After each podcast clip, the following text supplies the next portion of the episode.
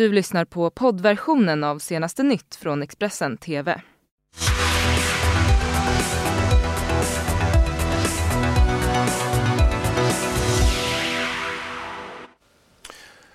God morgon och välkomna till senaste nytt här i Expressen TV med mig Anton Gymark.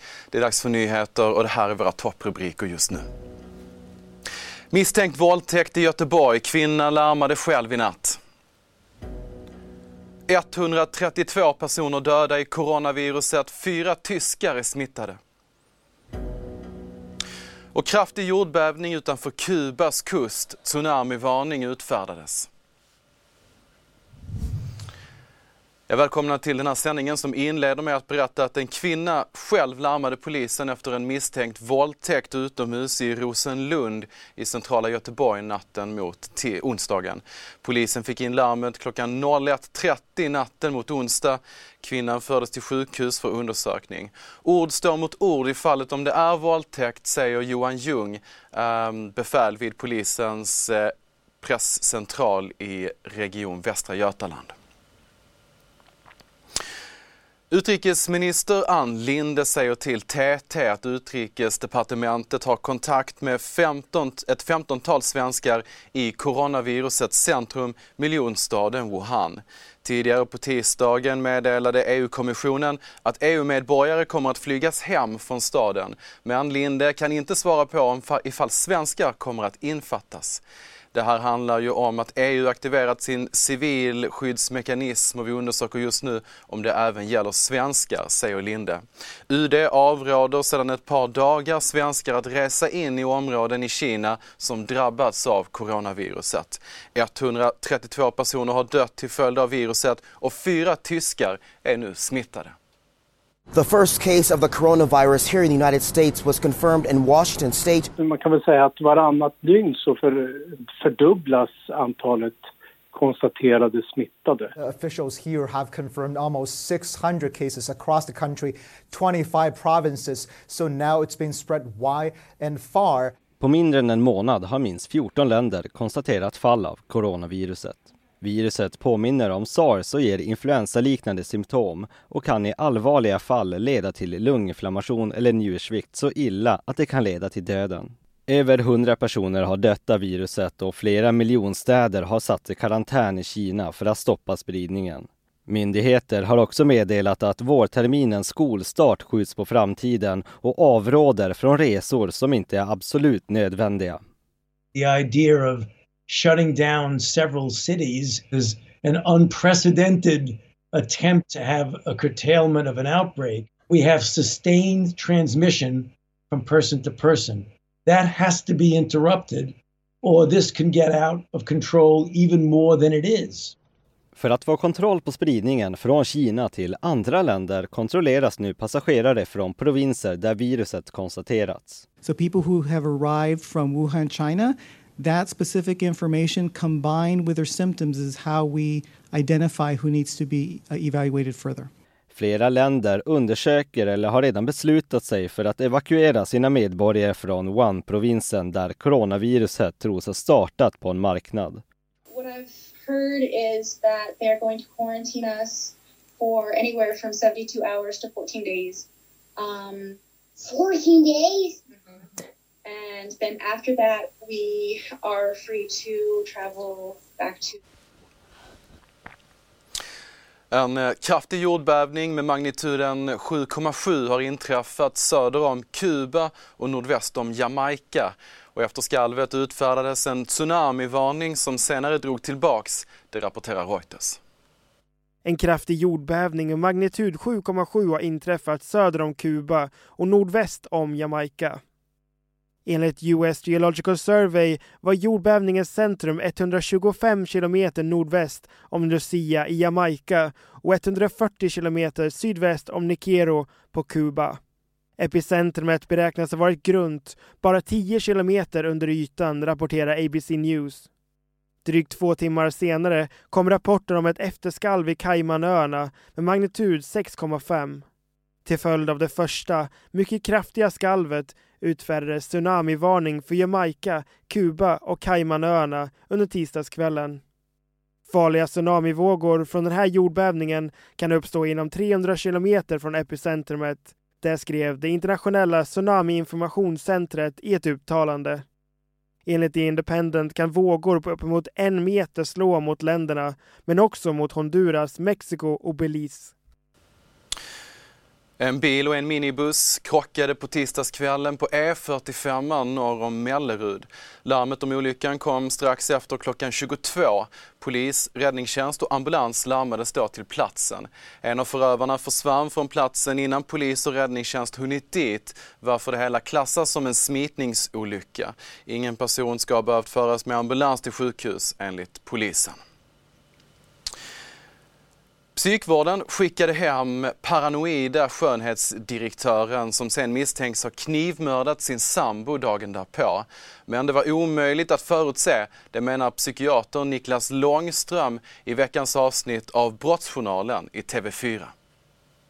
Men om man tittar på den då, de här rapporterna som finns. Det finns en ifrån den är lite äldre, från 2005, där du själv var med och var sakkunnig. Och då kom det fram, man fram till att utifrån de här bedömningsmatriserna som finns så kan så många som var tredje fall missbedömas om man följer de här beslutsstöden. Mm, mm. Det är ju en ganska dålig träffsäkerhet från eh, liksom medborgarperspektiv. Ja, ja, precis. Men det är fortfarande bättre än, än slumpen och det är viktigt att börja där. Va? Mm. Det de här beslutsstöden är bra på det är att identifiera de personer som det inte kommer att hända allvarliga saker med. Där har vi hög träffsäkerhet och det kan ju vara bra, som Leif är inne på, också sortera bort dem. Mm. Och problemet är att den här mannen, han tillhörde de personer som skulle ha blivit bortsorterade även om man hade gjort en ännu mer omfattande bedömning än den som ändå gjordes. Mm. Eh, han är ju, vi kallar det för falskt negativ, en person som begår en allvarlig våldshandling utan att vi kan fånga upp det med de mätinstrument som vi har. Vi går uh, utrikes nu. Eh, Donald Trump började prata om en fredsplan för Israel redan för två år sedan. Och nu har han presenterat sitt nya förslag tillsammans med Israels premiärminister Benjamin Netanyahu. Men avtalet innehåller en del kontroversiella lösningar och har redan tidigare fördömts av Palestinas ledare. My vision presents a win-win opportunity for both sides. Today Israel has taken a giant step toward peace. Ja, på tisdagen presenterade Donald Trump sin omtalade fredsplan för Israel och Palestina. Planen har arbetats fram av Trump-administrationen som själva kallar den för århundratalets avtal. På plats vid presentationen i Washington DC så var även Israels premiärminister Benjamin Netanyahu. This is a historic day. And on this day, you too have charted a brilliant future. A brilliant future for Israelis, Palestinians and the region by presenting a realistic path to a durable peace. Förslaget innebär bland annat att Jerusalem ska bli Israels odelade huvudstad medan Palestina ska få en ny huvudstad i östra Jerusalem. Presidenten utlovar dessutom ett ekonomiskt bistånd på omkring 50 miljarder dollar till Palestina förutsatt att dess ledare fördömer våld. Men förslaget skulle också innebära att Israel får makt över Jordandalen vilket är ett militäriskt viktigt område på Västbanken. I dagsläget bebos regionen av omkring 75 000 palestinier som därmed skulle behöva flytta enligt Jerusalem Post. Palestinska ledare var inte närvarande när fredsplanen presenterades. De har sedan tidigare fördömt avtalet. Ja, först och främst måste man konstatera att det här var ett festligt bröllop med bara brudgummen närvarande. Alltså Netanyahu, bruden Mahmoud Abbas, palestinierna som sitter hemma i Ramallah och protesterar vilt mot hela bröllopet. Chansen för att den här planen ska lyckas är begränsad. Enligt New York Times kommer det vara omöjligt för Palestinas president Mahmoud Abbas att acceptera fredsplanen. Det eftersom den inte ens möter Palestinas minimumkrav på land i regionen. Mm, som inslaget var inne på, alltså Palestinas president Mahmoud Abbas ställer sig bestämt emot den här planen som presenterades. All our rights are not for sale or for negotiation. Your, your deal is a conspiracy and it will not work. Vi fortsätter att hålla oss utrikes. Eh, vad som orsakade olyckan som ledde fram till basketstjärnan, eh, före detta basketstjärnan Kobe Bryants död är fortfarande ett mysterium. Amerikanska myndigheter utreder kraschen och menar att ett spår är intressant. En del av färdvägen som nu kan ha fångats på film minuter före kraschen. Här är de sista bilderna på Kobe Bryants helikopter. Minuter senare kraschade den i en olycka som orsakade totalt nio människors liv. Nu frågar sig en hel värld vad var det som orsakade olyckan? Sällskapet lyfte från John Wayne Airport klockan 9.06 lokal tid på söndagsmorgonen. Tillsammans färdades de i helikoptern mot Kobe Bryants basketakademi Mamba Academy i Thousand Oaks. Där skulle hans dotter Gianna spela en match. Men klockan 9.45 hade helikoptern kraschat i närheten av Calabasas. Vittnen berättar hur helikoptern försvann in i ett moln av dimma innan de hörde en smäll. Sedan kom larmet om en stor eldsvåda. Ännu finns ingen officiell förklaring till olyckan, men en detalj i helikopterns färdväg från de södra delarna av Los Angeles till de norra har väckt uppmärksamhet. Under den ungefär 40 minuter långa rutten stannade helikoptern i luften i området Glendale intill de högt belägna bergen och cirkulerade, något som syns på de här bilderna som CNN har fått tag på. Strax senare fick piloten veta att han flög alldeles för lågt, rapporterar Daily Mail. Och sedan kraschade helikoptern med de nio personerna ombord uppe i bergen.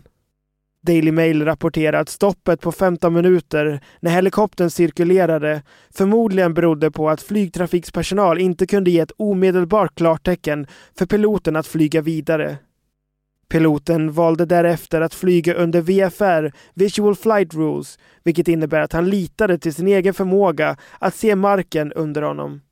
Kobe Bryant sörjs världen över och går till historien som ett av sportens största namn genom tiderna. Mm, och kropparna efter alla de nio personer som dog har nu hittats. Det meddelade Los Angeles chefsobducent på tisdagen, rapporterar AFP. Tre av kropparna hittades i anslutning till vraket av helikoptern redan i söndags och de återstående sex kropparna hittades i det omgivande området under måndagen. Samtliga kroppar har flyttats från olycksplatsen till ett forensiskt center där de ska undersökas och identifieras. Sverige bör flyga hem båda, i, både IS-mammorna och deras barn som befinner sig i Syrien. Det säger Yves Dacord, generaldirektör för internationella Röda Kors-kommittén till Dagens Nyheter. Regeringen har sedan tidigare meddelat att man vill ta hem barnen men eh, när det kommer till föräldrarna har statsminister Stefan Löfven sagt nej till hemtransport. Yves Dacord anser dock att det är galenskap att skilja barnen från sina mammor. Vi säger tack och hej på en stund. Det här är senaste nytt i Expressen TV. Fortsätt att titta och lyssna på oss.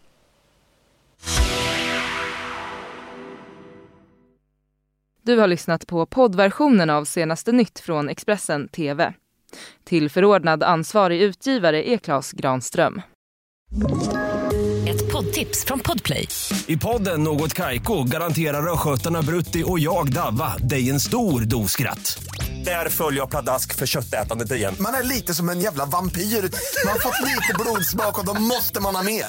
Udda spaningar, fängslande anekdoter och en och annan arg rant.